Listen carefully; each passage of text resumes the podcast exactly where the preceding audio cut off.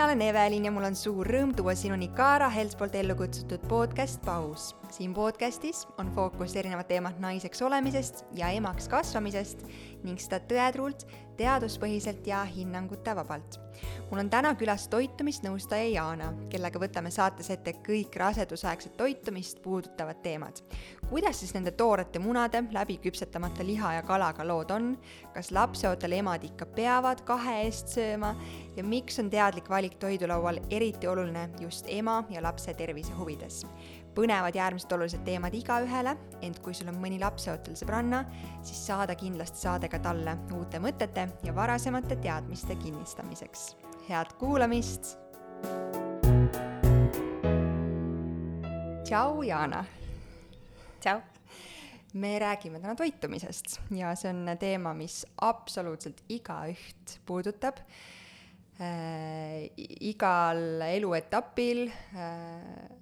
Aga nagu me sinuga ka jõudsime siin põgusalt enne äh, rääkida, siis äh, arusaam tervislikest valikutest, üleüldse tervislikust eluviisist ja toitumises tasakaalu leidmisest, mis on see, mida tegelikult väga palju räägitakse, et et me ei saa eelistada ühte ega teist äärmust, vaid selline tasakaal, terviklik tasakaal on vaja leida mm,. see tasakaal on kõikide jaoks väga erinev ja mul on tunne, et eriti suurt tähelepanu vajab see lapse ootuse ajal. on see nii?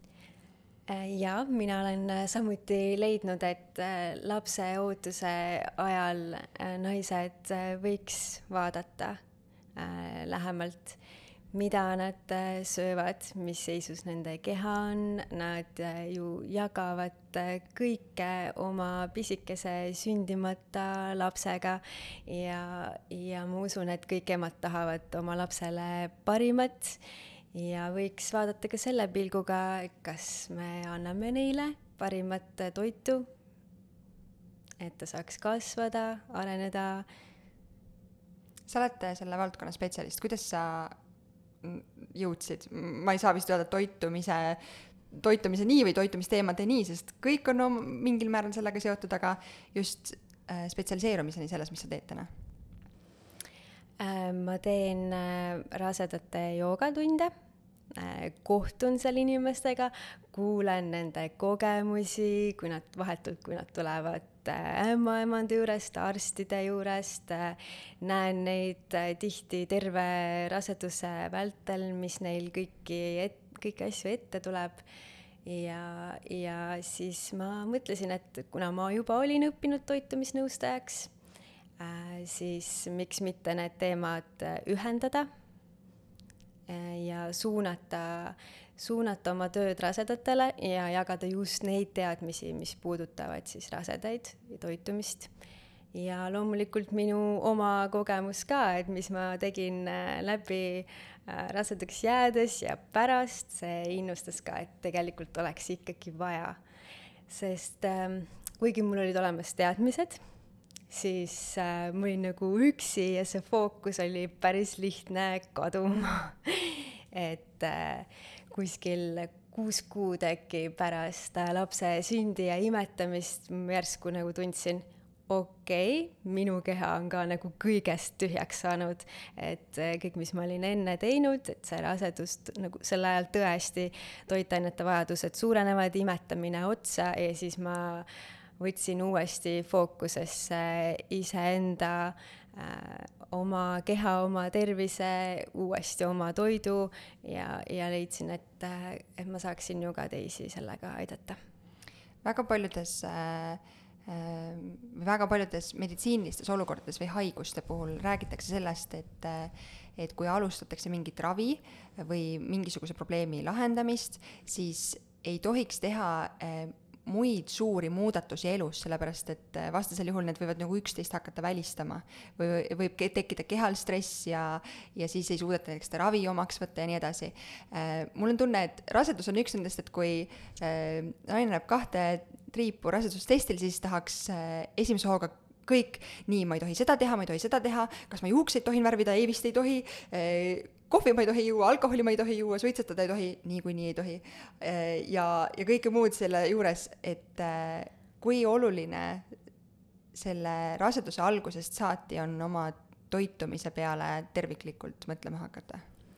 ma ütleks, et enne mina mõtleks äh, palju rohkem enne, et selle, selle ju eostamise hetkel juba need geenid ja, ja mis, kuidas, kuidas, mis seisus sinu keha on, et et see jääb ju mõjutama last ja tulevasi põlvesid ka, me teame juba täna. et mina mõtleks selle peale enne ja raseduse alguses äh, loomulikult äh, kahte triipu nähes äh, sa tead, mis asjad sa pead menüüst äh, välja jätma, sellest räägitakse päris palju, pastöriseerimata piimatooted ja toores muna, mereannid ja liha, mis ei ole läbi küpsetatud täielikult. et loomulikult sa jätad need välja ja esimesel trimestril ma ütleks, et see ähm, pisikene loode on veel nii, nii, nii väike, et tegelikult sa ei pea suurt midagi muutma, kui jääma oma tervislike harjumuste juurde. et äh, siis edaspidi hakkavad äh, vaikselt äh, suurenema äh, toitainete vajadused, aga mm, küll soovitan äh, kui sa lähed ämmaemandi juurde, arsti juurde, teha mõned äh, veretestid, äh, kontrollida, äh, märgata oma enesetunnet, mõelda, mida sa saaksid teha veel paremini, otsida infot näiteks toitumise kohta. et see on kõik selle huvides, et sinu beebil tuleks parem tervis, paremad eeldused ja ka selleks, et sinu keha peaks kogu selle raseduse paremini vastu, kogu selle sünnituse ja rasedusjärgse aja paremini vastu mm. ilmselt kõik äh, lapseootel naised äh, või kes on selle protsessi juba läbi teinud, on kuulnud äh, müüti, et rasedad naised ju söövadki kahe eest või peavadki sööma kahe eest. mis sa sellest arvad? Ja tõesti ka ise kuulsin seda ja ma ütlen ausalt, see vahest keerles isegi endal peas, sellepärast et noh, tõesti, sa oled ju nii suur ja sa tunned ennast nii raskelt ja see toit tundub nii hea. ma saan täiesti aru ja võib-olla keegi veel vanematest, vanavanematest ütleb seda kõrvalt ka Eh, tegelikult eh, see, see päris nii ei ole kindlasti. Eh, me, kaks asja, meie, me ei pea sööma kahe eest ehk siis topeltkaloreid, küll aga me peame saama kindlaid toitaineid palju-palju rohkem. et need kaks asja aetakse segamini. See vist ei ole tegelikult ainult raseduse ajal nii, vaid ma pean tunnistama, et mul on väga hooliv ja armastav abikaasa, aga kui mul on vahepeal suurem jäätiseisu, mida üks jäätis ei suuda ära äh, leevendada, siis ta on mulle ka nüüd äh,, ma jätkuvalt imetan oma last ja ta on öelnud niiviisi jutu sees, et ei no aga et sa võid ju selle teise jäätise süüa, et sa oled ju im imetav ema siis ma pean tunnistama, et ma olen mitmel korra, korral libastunud, sest kui lähedane inimene sulle ikkagi niiviisi ütleb, siis sa ju võid teda kuulda võtta mm. -hmm. ja siis äh, teisel hetkel olen talle jälle õla, õla peale koputanud, et kuule, päris nii sa ikkagi oled, ära julgusta mind seda kahte jäätist äh, sööma. aga siit käis läbi see sõna tasakaal ja see, et äh, milliseid äh, milliseid valikuid teha, et see ei saa olla ainult jäätiste ja šokolaadi arvelt ja lihtsalt koloraaži tõstmine. Äh, mis sinu jaoks tähendab või mida sa näiteks nendele rasedatele naistele, kellega sa, ma ei tea, joogatunnis äh, kokku puutud või mi-, mida sa soovitad neile, kuidas leida seda enda jaoks sobivat tasakaalu toitumises? Äh, esiteks ähm, jah, tõesti tervislikust toitumisest räägitakse nii palju, et ma usun, et väga paljud ikkagi mõtlevad, et nad ju teevad paar sammu selle suunas, nad ju teevad midagi ja sa hakkadki selle tasakaalu poole liikuma. minu soovitus on süüa päris toitu ja siit mul tuleb kohe meelde ühe, ühe loengu käigus siis äh, üks tulevane isa küsis, kas see keeruline ei ole või? Siis ma olin nii, mis mõttes ei, päris toidu söömine ei ole keeruline, ma seletasin siis, et kuidas sa võtad köögiviljad ja valmistad köögivilju ükskõik millisel meetodil. Äh, sa võtad äh, kvaliteetse tügiliha näiteks, äh, valmistad, maitsestad selle kodus ja, ja milline su taldrik võiks välja näha. et, et see tundub keeruline me ei ole harjunud äh, seda tegema, meil on toit nii palju igalt poolt äh, kättesaadav ja, ja see on väga okei. Okay.. võikski, võikski, mina pean oluliseks, et kaheksakümmend protsenti ajast oleks minul ise valmistatud toit laual toorainest, mida ma olen valinud või toodetest, mida ma olen valinud ja kakskümmend protsenti ajast me käime külas, vanemate juures, väljas söömas, mis iganes juhtub. et äh, loomulikult sellega ei saa, ei saa minna liiale, ei saa meil, mul ei ole põhjust ka karta nagu hullult neid äh, ebatervislikke toite, loomulikult neid äh, juhtub aeg-ajalt, aga ongi, lähen igal esmaspäeval jälle tagasi oma rutiini juurde, mis on mu hommikusöök, millised köögiviljad ja millise salati ma teen, äh, millise proteiini ma valin täna oma, oma äh, toidu kõrvale äh,. mulle meeldib väga planeerida nädalamenüüd äh, just sellepärast, et siis ma näen ülevaadet ma näengi ülevaadet, kas mul on äh, kala, kas mul on äh, näiteks punane liha, mina ka rauavaegusega pean seda sööma.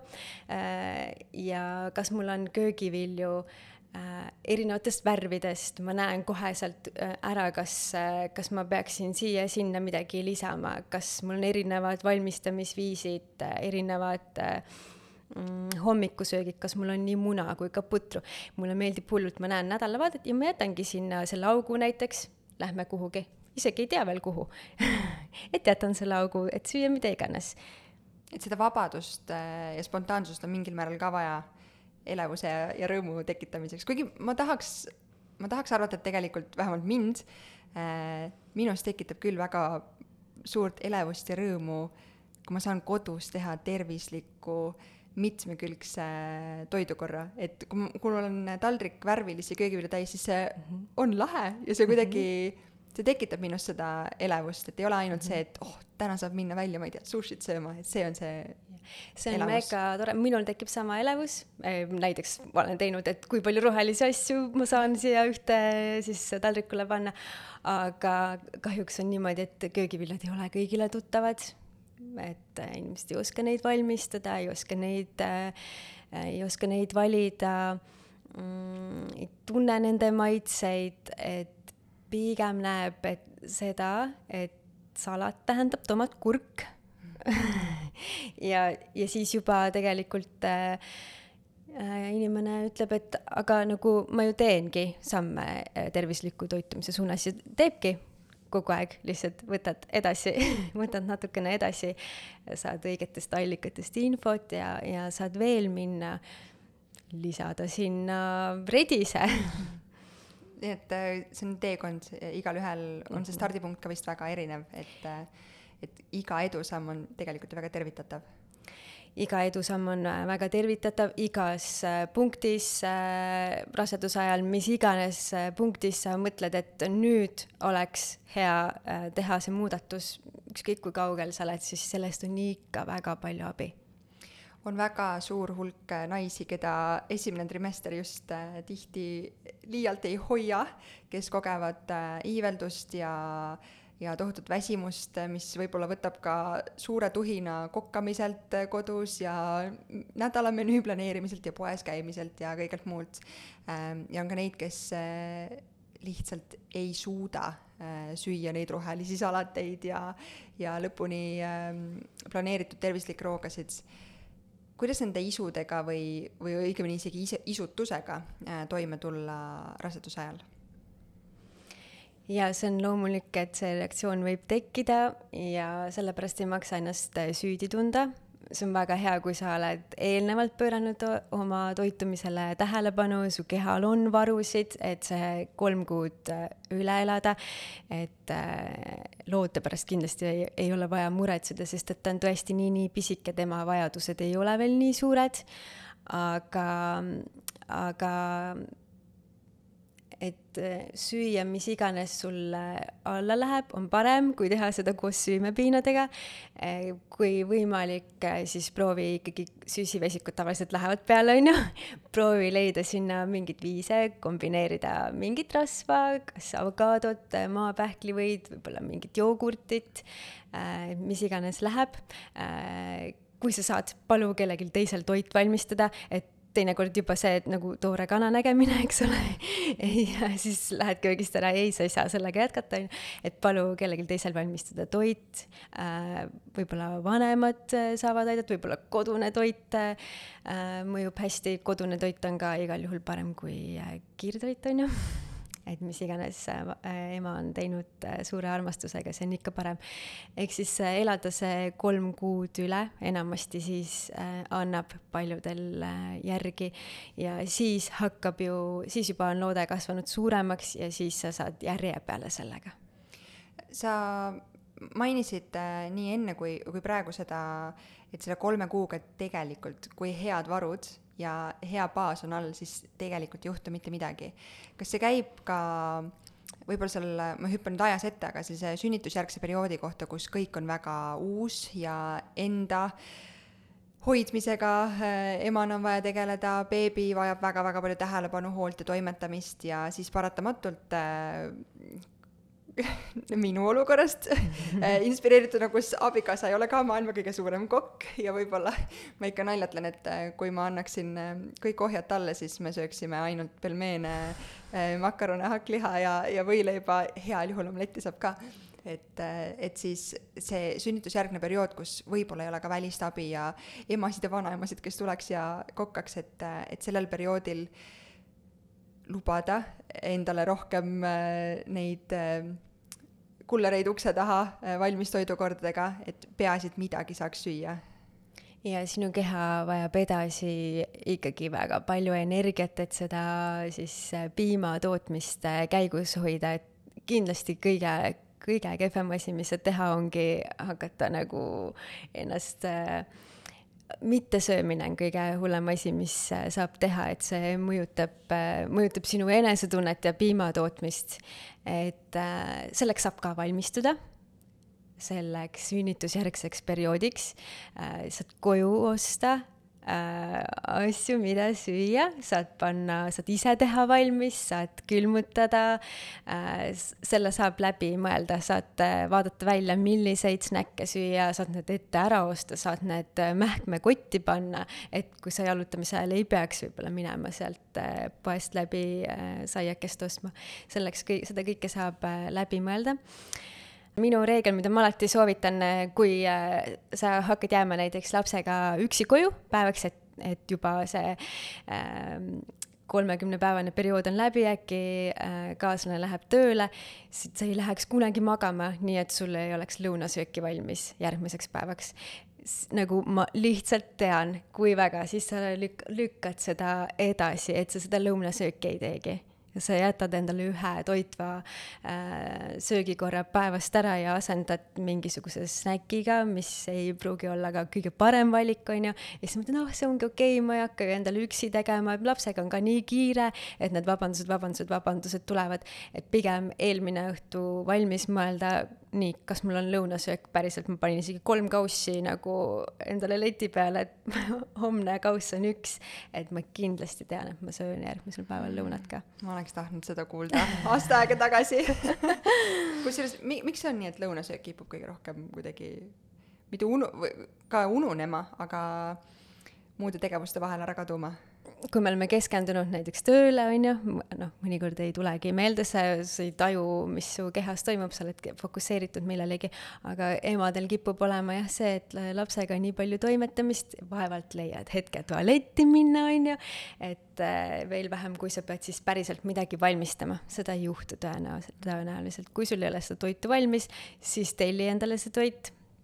Ka Woltis, Woltis on paremaid ja natuke mitte nii häid valikuid kui ma tulen tagasi äh, selle raseduse ja toitumise juurde, siis äh, me rääkisime sellest, mida kindlasti ei tohi ja seda räägitakse ka väga palju, äh, seesama liha, toores liha, muna, kala äh, ja nii edasi, aga kui me räägime nendest asjadest, mis kindlasti on vaja, kas üleüldiselt või spetsiifiliselt ka rasedusperioodil oma menüüsse lisada, siis ma hakkasin praegu mõtlema, kas selliseid asju, kas mina kuulsin midagi sellist, mida kindlasti peaks, ainus, mis on see, et toidulisandina või vitamiinina ja mineraalidena, mis sa pead nagu äh, ma ei tea äh,, foolhapet võtma või, või siis neid äh, rasedusaegseid äh, multivitamiine, kus, mis koosneb sajast tuhandest heast äh, kehale potentsiaalselt vajaminevast vitamiinist, aga toitumise osas ma ei mäleta, et keegi oleks mulle öelnud või ma ise oleks kuskilt otsinud, mida kindlasti peab tarbima mm. -hmm. Uh folaati jah, võiks juba esimeses äh, trimestris, isegi kui sa süüa ei jaksa, siis seda soovitatakse juba ka rasedust planeerides äh, hakata võtma, aga tegelikult on väga palju äh, teisi olulisi vitamiine, mineraalaineid vitamiin D tuleb kohe järgi, mis on väga-väga oluline. vitamiin E, siis koliin, tsink, jood, kõik need on olulised ja kui rääkida nüüd on ju selles keeles, millest te aru saate siis mis äh, on äh, ikkagi jookseb läbi kogu aeg. rohelised äh, köögiviljad, rohelised lehtköögiviljad head rasvad, on ju, oliivõli, avokaado, pähklid, seemned äh, ja väga ol-, mida mina ka ei teadnud, siis tollel hetkel, kui oluline see on, aga seda aina uuritakse kogu aeg edasi, valkude vajadus äh, rasedatel äh, suureneb.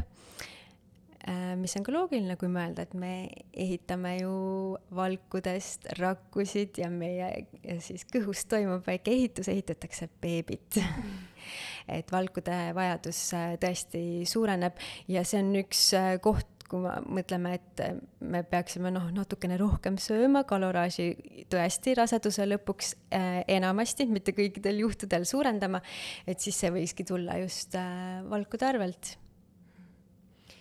me rääkisime esimesest trimestrist ja, ja sellest, et sealt edasi võib-olla natukene see kaloraaž peab suurenema, aga mille arvelt? valgud jaa äh,, aga mida see nagu igapäevases toitumises tähendab, et äh, sööd ühe keedetud muna rohkem või, või ühe kana rinnafilee tüki võtad rohkem või, või mida see päriselt nagu menüüs tähendab? see võibki olla nii väike kogus, see ei, tegelikult ei peagi äh, olema palju suurem kogus ja, ja mõnedel ei su suurene see vajadus üldse, oleneb, mis, olengi, kus, mis valguspunkt on ju, kui sul on ülekaal, siis ei pruugi üldse see kalorivajadus suureneda aga ja mina äh, valiksin siinkohal äh, head äh, valkude allikad juurde. muna näit-, minu jaoks väga suur üllatus, kui vähe muna süüakse. Nagu päriselt.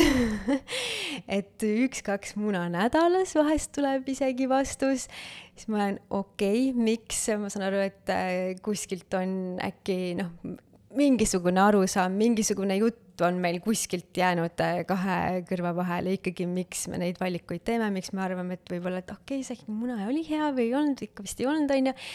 et äh, täitsa üllatav äh,. et sa ütled, muna on hea? üks-kaks äh, muna, eriti kui sa saad valida hea kvaliteediga muna, et äh, muna siis toitainete sisaldus sõltub ka sellest äh, kvaliteedist, siis üks-kaks muna päevas isegi tervisliku menüü osana on väga-väga äh, hea. teine asi, mis ma näen, äh, on tihe probleem kala söömine. et noh, kord kuus äkki on kõige tihedam vastus et me teame, et, et toitumissoovituste järgi see võiks olla kaks-kolm korda nädalas siis äh, kord kuus ja oomega kolm äh, rasvhapped üliüliolulised lapse aju ja silmade arengu jaoks ma ei tea, kas keegi, kas, kas see ja info ei ole, enda muidugi, et kas see info ei ole kuhugi jõudnud et, et seda kala ähm, ei ole menüüs piisavalt. lisaks äh, Äh, sa tõid köögiviljad välja ja, ja vist köögiviljade puhul kehtib see, et kuigi rohelised on need, mida sa siin ekstra mm -hmm. kuidagi säravate silmadega mainisid, siis tegelikult mida värvilisem see toidulaud on, seda toredam. seda parem ja, ja mina kindlasti näen, et äh, köögiviljad äh, on meie toidu selline baas, selline põhikoostisosa, et mille ümber võiks nagu keereldad ja siis sa valid sinna lisaks mingi valguallika ja siis sa valid sinna lisaks võib-olla mingisugust äh, äh, tatart, riisi, need on lisandid. ja no ma tean, et sa võib-olla elad kuskil ideaalmaailmas aga no päris elu on vahel teistsugune ja need jäätised ja kommid ja šokolaadid äh,, no vahel lihtsalt on isu. kuidas siis käituda? Esiteks äh, ma saan täiesti aru sellest ma olen neid kunagi elus maitsnud, see tähendab, et ka mulle, ma tean, mis see maitse on, ma tean, ka mul on äh, isud. Äh, siinkohal võib-olla kõige paremad nipid on magustoit jätta magustoiduks, ehk siis söön oma salati, köögiviljad, oma valguallika, söön oma kõhu täisväärtuslikku toitu täis ja siis valin mag-, magustoidu. minul on see mega hästi toiminud äh,. ma tahan seda maitset võib-olla saada, võib-olla seal laua peal ongi miski, mingi päri-, väga hea kook, kõik kiidavad ja ma tahan seda maitsta. sellisel juhul ma söön alati pool, aga ma saan sellest ikkagi selle äh, rahulolutunde. ja teine asi, mida ma soovitan, liikuda et kui sa selle jäätise juba sööd, siis ära söö seda diivani peal, vaid kõnni, äh, meil on ka lapsega näiteks äh, see reegel, et, et see pood, kust saab jäätist ja pulgakommi, asub linna teisel pool kesklinna. ja ta on väga valmis sinna rattaga minema. see tähendab seda, et me liigume, lähme ostame siis midagi mõnusat, sööme seda võib-olla värskes õhus praegu ja siis sõidame tagasi, liigume. et see alati tekitab ka head enesetunnet ja see, ja see suhkur, lihased kasutavad seda suhkrut kohe ära liikumiseks ja ei teki nii suur veresuhkruhüpe et see on, see on väga põnev selline mõte või häkk, mille sa välja tõid. kusjuures ma ei olegi seda niipidi mõelnud, ma enda puhul olen märganud vastupidist, et kui ma olen, ma ei tea, nüüd lapsega ekstra pikka käruringi teinud või lihtsalt ennast trenni vedanud suurte läbirääkimiste tulemusena lõpuks või, või ennast muul moel äh, liigutanud, siis äh, kuidagi, kui selline füüsiline aktiivsus on eelnenud, siis jah, muidugi lihtne oleks haarata see jäätis või, või mõni saiake, aga teistpidi, kui ma tunnen, et ma andsin oma kehale just sellise treeningu ja ma kiidan ennast selle eest, siis vastupidi, ma tahaks pakkuda talle nagu veel paremat, ma tahakski pakkuda talle seda smuutit või seda salatit mm, -hmm. et kuidagi hoida seda, mis ma just äh, enne kuidagi juba saavutasid. just, täpselt mm. -hmm. et see vist äh, tuleb enda jaoks leida ka selline motivaator, mis äh, aitab seda tasakaalukamat mm -hmm. eluviisi toitumises luua ja see, et äh, ma hoian muu toidu arvelt kokku, ongi lõunasööki ei söö, et ma saaks süüa selle koogitüki, seda ma pigem ei soovita, et ma kohtan seda mõtteviisi pigem, siis mina ütlen ikkagi, et söö kõigepealt äh, väga palju äh, kraami, mis on su kehale hea mis täidab sinu mao, täidab sinu vitamiinivajadused ja siis võib-olla äh, võtad ampsu või paar või vaatad, räägid endaga läbi, kui palju sa seda võtad. Meil on äh, siin mõnus suvine periood praegu ja suvel on kõiksugu häid natukene magusamaid vilju, maasikaid ja mureleid ja arbuusi ja, ja muud ka. Ähm, ma jagasin sinuga ennist seda, et hoolimata sellest, et minu kaalutõus ei olnud just äh, väga suur raseduse ajal, siis ämmaemandalt sain ma ikkagi sellise, sest mu last peeti mm, võrdlemisi suureks, äh, siis ma sain ämmaemandalt sellise noomiva äh, lause ühe visiidi lõpus või võib-olla mitme visiidi lõpus, et äh, neid maasikaid ja mureleid ja arbuusi võiks see suvi piirata äh,. ja see vist on suhteliselt tavapärane lause, ma saan aru sinu kogemusel ka mm. -hmm. väga tihti kuulen seda, et praegu maasikad ja arbuus on ju, talvel oli siin apelsinidega suur teema ja mandariinidega.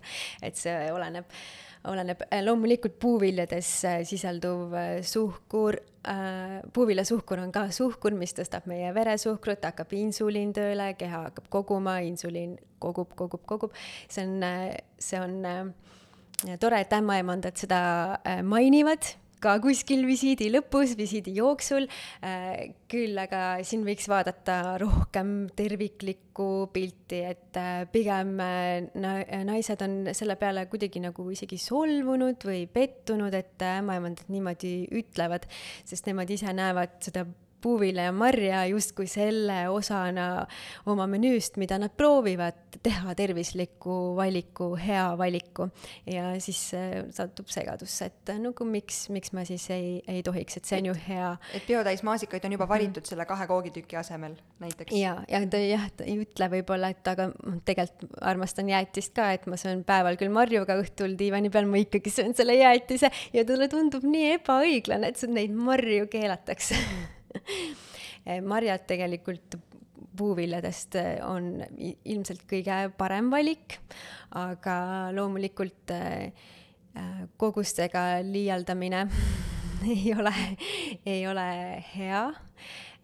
Ja väga magusad äh, nagu arbuus, äh, samamoodi mango ja banaan, mis on sellised tihked ja, ja hästi suhkrused, jahused, need sisaldavad rohkem süsivesikuid ja puuviljade söömisel ma soovitaks ka kombineerida valkude ja rasvadega ehk siis teed sellest terviku snäki või sööd neid magustoiduks. nii sa saad äh, ka reguleerida, et sa üle ei söö ja, ja kujuta ette, kui sa sööd näiteks äh, Kreeka jogurti ja paned sinna peale need värsked maasikad. sa saad kõhu täis, on ju, palju paremini ja su kõht püsib kauem täis ja samas sa saad neid marjusi ja sa saad äh, kõik neid häid asju, mis seal värsketes marjades on. et siin tulebki kasutada äh, natuke kavalust, aga selle jaoks meil teadmisi vaja natuke raseduse seal teises pooles, kui kõht paisub ja meie kogu seedeelundkond ja kõik, mis meie kõhus tavapäraselt oma kohal asetseb, surutakse väga kokku ja teistesse positsioonidesse, kui need muidu on ja siis äh, tegelikult ka raseduse alguses minu teada on väga paljudel naistel muresid seedimisega, et kas kõht on väga kinni äh, või vastupidi. kui ma ei eksi, siis äh, mõlemal juhul keha vajab kiudaineid selleks, et soolestik hästi töötaks. mis need kiudained on, kuidas neid oma menüüsse rohkem lisada äh, üleüldiselt, aga ka raseduse ajal? kiudained, äh, köögiviljad, teraviljad. ja need on olulised? jaa et nendest ei saa üle, üle ega ümber tõesti äh, toiduks äh, meie soolestikus olevale mikrobiomile ja, ja seedimise kergendamiseks ähm, kõik, kes on äh, siis minu juhiste, minu juhiste järgi proovinud äh, köögivilju äh, lisada ja kui ma olen öelnud, et köögiviljad on meie toidu baas, kõige olulisem koostisosa, siis seedimine läheb paremaks.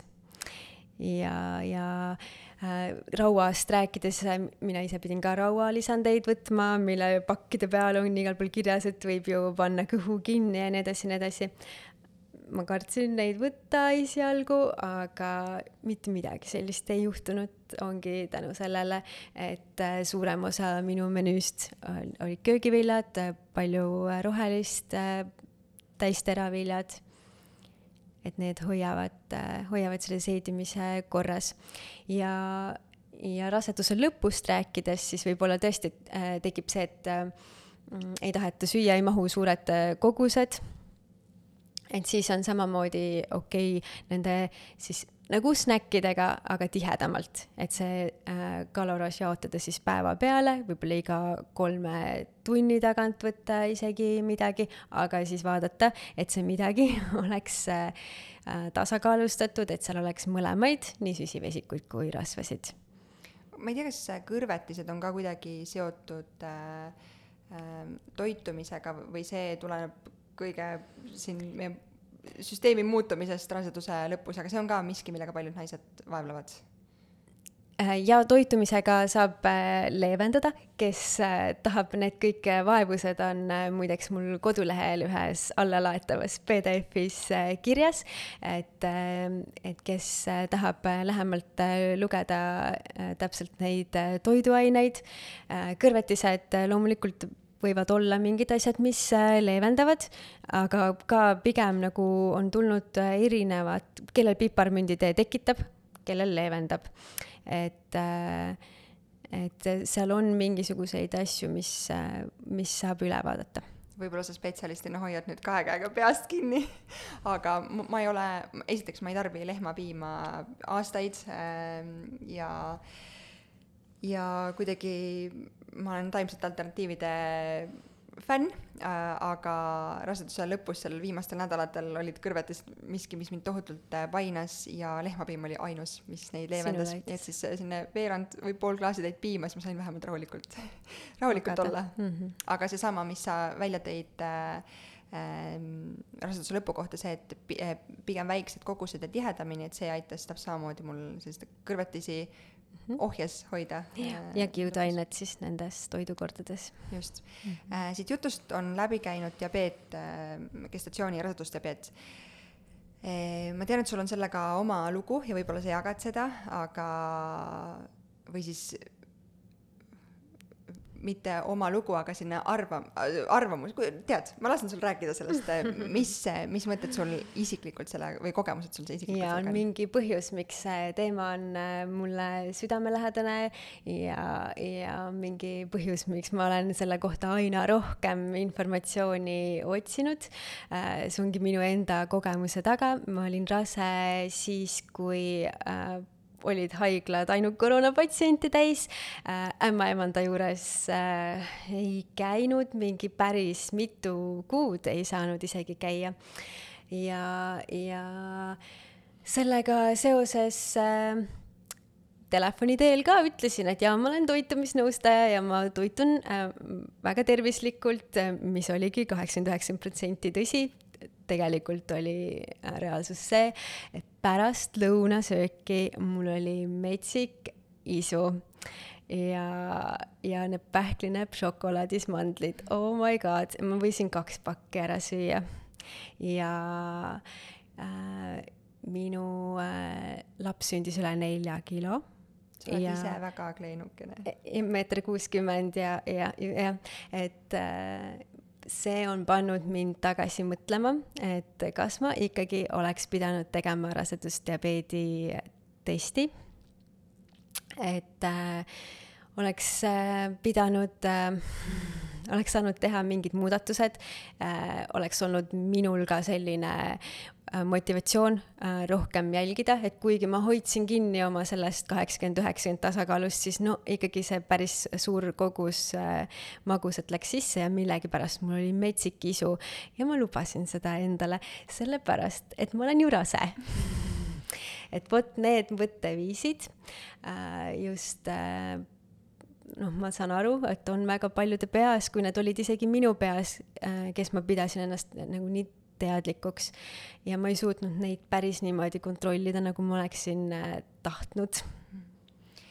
Seda testi väga kardetakse ja püütakse sellest kõrvale hiilida võimalusel. Äh, samas ma usun, et iga lapseootel naine teab, et see on äh, tema ja tema lapse tervise jaoks ja see on oluline välja selgitada, kas see rasedusdiabeet on ja kui see on, siis teha vastavaid muudatusi. sa ebaaled, sa ei ole kindel selles, aga miks, miks sinu hinnangul on oluline äh, seda testi teha, kui ähm, ämmaemand või, või arst sellele suunab ja mis väärtuslikku infot see naise keha ja lapse tervise kohta annab? Äh, just äh, nimelt väga palju püütakse sellele testile mitte sattuda ja mitte teada, et on, on kaalutõus, on vihjeid siia ja sinna äh, väga nagu null koma täpsusega vaadatakse neid numbreid ja kui mul oli ainult null koma üks üle, siis nad nagu käivadki terve selle raseduse ringi, aga mul võib-olla tegelikult ei olegi, sest mul oli ainult null koma üks üle, et äh, me ei taha, me ei taha keegi seda rasedusdiabeeti saada, aga see on oluline meile äh, teada. Ja nüüd ka rasedusdiabeedi õega koos, koostööd tehes, siis ma näen, kuidas see mõjutab ju raseduse kulgu, et äh, nemad jälgivad ikkagi neid numbreid ja sellest oleneb, millal äh, sünnituse peab esile kutsuma, äh, kui palju lapse kaalu jälgitakse. Äh, pärast on vaja kontrollida nii sind kui ka last, on ju.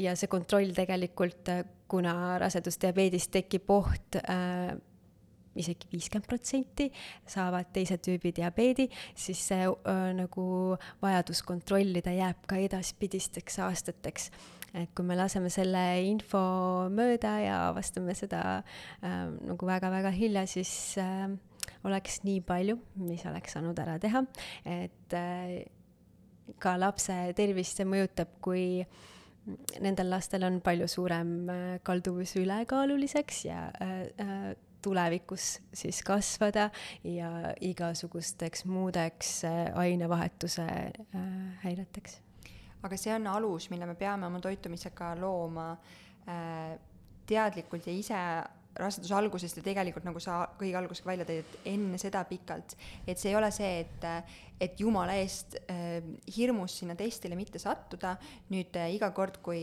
äh, Äh, raseduse ajal on korduvalt neid vereanalüüsid andmist, et siis, kui seal hommikul tühja kõhuga äh, veresuhkrut mõõdetakse, et jumala eest eelmisel õhtul ma ei oleks siis seda kahte koogitükki ja ma ei tea, pudelit limonaadi ja veel ühte jäätist söönud, et et mitte ainult nendes olukordades ennast hoida selle suhkru tarbimise eest, vaid üleüldiselt kogu raseduse vältel. Äh, raseduse vältel on niimoodi, et kõigepealt alguses, esimese trimestri, trimestri jooksul sinu siis veresuhkru ja insuliini regulatsioon peaks natuke langema ja pärast tekib siis tulenevalt platsentast ja hormoonidest tekib niigi see insuliini resistentsus ja jah, kui sa siis seda toiduga veel nagu peale kütad ja kui sul on veel seal all äh, eelnevast elustiilist äh, mingisugune insuliini resistentsus, siis äh, lõpuks need numbrid võivad minna päris kõrgeks äh,. vajatakse ravimit, ravimiga on ju veel suurem tõenäosus, et see mõjutab sinu sünnituse aega. kolmekümne üheksandal nädalal äkki hakatakse ravimiga juba esile kutsuma, et see mõjutab sünnituse kulgu ja sünnituse kulg mõjutab nii paljusid asju edasi. üleüldiselt ema tervist, heaolu mm, -hmm. edasist vastupidamist ja, ja kõik muud. sa jagad äh, Äh, sotsiaalmeediakontol Tervislik rasedus, tervislik punkt rasedus, äh, palju väärtuslikku infot selle kõige kohta, mis me täna siin ka räägime, aga spetsiifilisemalt. aga sa tegid äh, täna ühe postituse, milles sa tõid välja sellise mõtte, et kuidas luua, kuidas oma elustiili valikutega luua beebile eeldus paremaks terviseks, sealhulgas vähendada riski allergiateks, kroonilisteks haigusteks eeldus tugevamaks immuunsussüsteemiks ja toetada võimekama aju ja oskuste arenemist. ma arvan, et see nimekiri lihtsalt ette lugedes keegi isegi ei mõtleks, et see võib tulla kuidagi vanemate toitumisest et need on, asjad on omavahel seoses. ma ei mõelnud seda välja, lappasin just ühte, ühte hästi head kokkuvõtvat raamatut ja lasin oma silmad üle nendest kõikidest asjadest, mis me nendest uuringutest, teadusuuringutest oleme teada saanud ähm, võib-olla meil ei ole nagu kedagi, kes seda infot levitaks, et, et kõik teaksid seda, et sellepärast ma proovingi seda teha ja ma väga, väga, väga usun sellesse.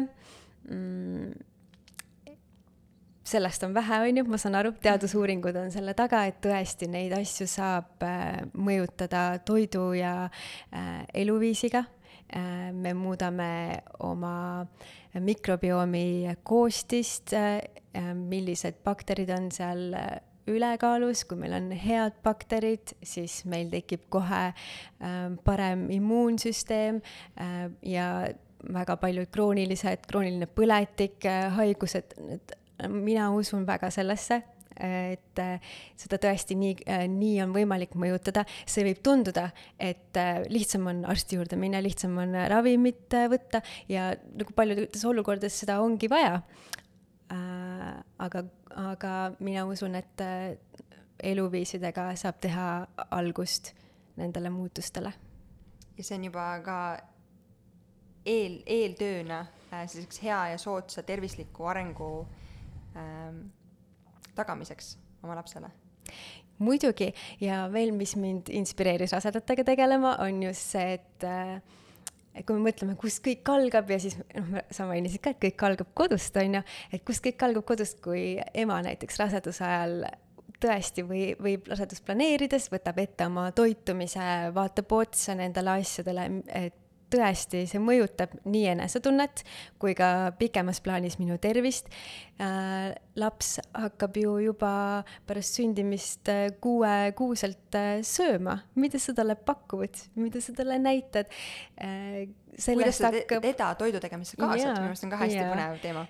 just, et sa juba hakkad mõjutama oma lapse tervist mitte ainult siis selle kaudu, mis, mis raseduse ajal sööd, vaid edasi ka et see on püsiv äh, mis mm,, see ei ole rasedusaegne dieet vaid äh, mina ikkagi rõhutan tõesti, et õppida aru saama, mi-, milline toit äh, ja kuidas meid mõjutab, kui lihtne see on, kui hea on päris toitu süüa ja kui palju me sellest kasu saame. Ja see on selline püsiv muutus, mis ei lähe nagu meelest ära, vaata ma hiljuti äh, sattusin sirvima ühte teadusartiklit, millele minu teada sa oled ise viidanud ka ja äkki ma üldse sinu kaudu selle leidsingi, äh, kus tuuakse välja seda, kuidas äh, ähm, lootevesi, mille, millega laps on ümbritsetud, tegelikult võtab samamoodi Äh, külge, äh, lõhnad, äh, maitse mm, -hmm. mida ema parasjagu, mis tema toidulaual on, vürtsid, köögiviljad, suhkrut ja muu.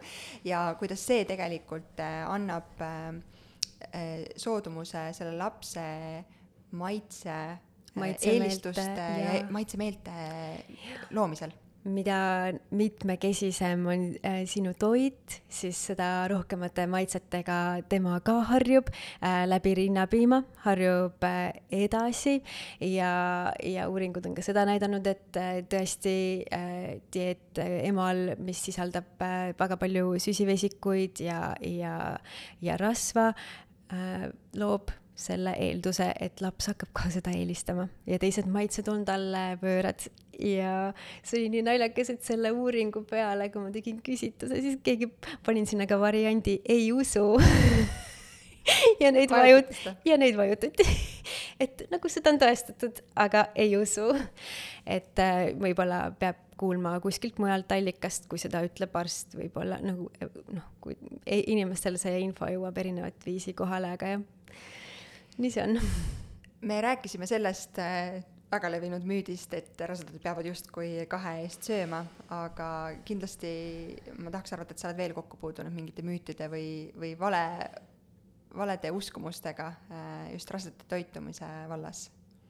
on midagi, mis eriliselt kuidagi tähelepanu on köitnud äh,? jaa äh, toodi välja päris palju ka äh, värskete salatite äh, keelamist, puuviljade keelamist, noh, puuviljadest me tegelikult juba rääkisime, et, et nendega peab olema tõesti mõõdukas äh,.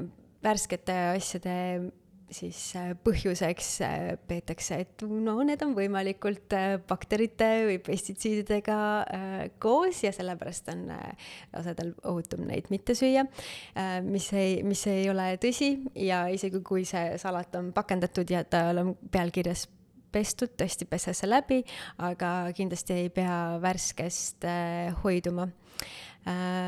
mis veel kalasöömisest ka rääkisime, toodi välja, et noh, mina olen siis äh, inspireerinud väga paljusid kala sööma uuesti äh,. tatlitest näiteks äh, ka ju levib see suust suhu, et äh, tatleid võiks raseduse ajal süüa. millal? Et mis siis teadusuuringud ütlevad, et tegelikult esimesel trimestril ei ole üldse mõtet neid hakata sööma, tatlid on hästi-hästi magusad.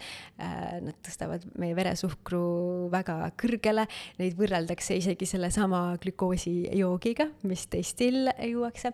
et äh, et tatleid tõesti võib-olla paar nädalat enne tähtaega siis ka vaadata tõesti neid koguseid, kombineerida täpselt samamoodi rasvade ja valkudega, et siis võib, võib olla mingit kasu, aga samas äh, see kasu, mis väidetakse olevat, et äh, lühem, kergem, loomulik sünnitus, see võib olla ka ilma tatlite söömiseta ehk siis tuleb alati neid valikuid tehes arvestada, et see kasu, potentsiaalne kasu, mis sellest mm -hmm. saad, kaaluks üle selle kahju. jaa, et rasedusdiabeet või siis kellel on üldse probleeme veres, noh siis kindlasti nagu need on väga, väga magusad, et pigem, pigem äh, tõmmata tagasi ja uurida enne, kui hakata neid sööma, on ju et äh, samamoodi jah, jäätise söömise ja müüte olen, oleme seal äh, purustanud, et neid asju inimesed tõid välja. Ja, ja üllatusena tuligi neile, et aga rasedat ei tohigi siis kõike süüa valimatult, et naisena võib tunduda see aeg, et nagunii ma ju ei ole vormis, nagunii mulle riided ei mahu ju selga. Äh,. siis veel, et noh, mul on, ma tean, et mul on rohkem toitu vaja, et äh, tekib see, et tunne, et ma võingi kõike süüa valimatult. elus on äh, väga paljusid asju, milles äh, on võimalik äh, langeda kuidagi ühte või teise äärmusesse ja mul on tunne, et toitumine on tihtipeale see nagu kõige lihtsam või suurem valdkond, milles seda tihti tehakse. kuidas neid äärmusi vältida? ma oleks väga poolt, kui kõik oleks ideaalne ja tervislik, aga me elame sellises maailmas see, see ei ole enam äh, realistlik, et äh, kindlasti see mõte tervislikust toidust ei tohiks üle võtta meie elu, mõjutada meie vaimset tervist, äh, meie suhteid, et loomulikult me peame vaatama, et meie toidulaud toetaks meie tervist, aga samas ei ole see kõige olulisem asi elus ehk siis eelistada lihtsalt mitmekülgset mm, -hmm. tervislikku ja võimalikult palju ise teha. jah, võtke kaasa siit see, et võimalikult palju ise teha, võimalikult palju päris toitu. sa saad aru, mis sul seal taldrikul on, mitte ei ole pruun kokku mäkerdatud asi, kus võib olla nii piima, nisu, liha ja soja ja suhkrut ja päevalilleõli ja kõike muud. ja nii palju lisaaineid, mille nimesid isegi välja hääldada ei oska mm. -hmm just nii. aitäh sulle, Jaana, nende teadmiste ja mõtete jagamise eest. kas on midagi rasedusaegse toitumise kohta, mis täna võib-olla tähelepanu ei saanud, aga, aga võiks veel meelde tuletada lapseootel emadele? või sai kõik olulisem mainitud? ma arvan, et me katsime väga paljusid äh, teemasid ja kõige kohta täpsemalt äh, saabki tulla lugeda Instagramist, blogist äh, ma olen ka küsimustele hea meelega vastanud, et äh, seda infot on nii palju, millega ennast äh, kurssi viia ja, ja vaadata ka, mis sulle täpselt, mis sind kõnetab, mis, mida sa saad täna muuta, mida järgmine kuu ja nii edasi. see on hea mõte, millega saade lõpetada, aitäh sulle! aitäh! tšau!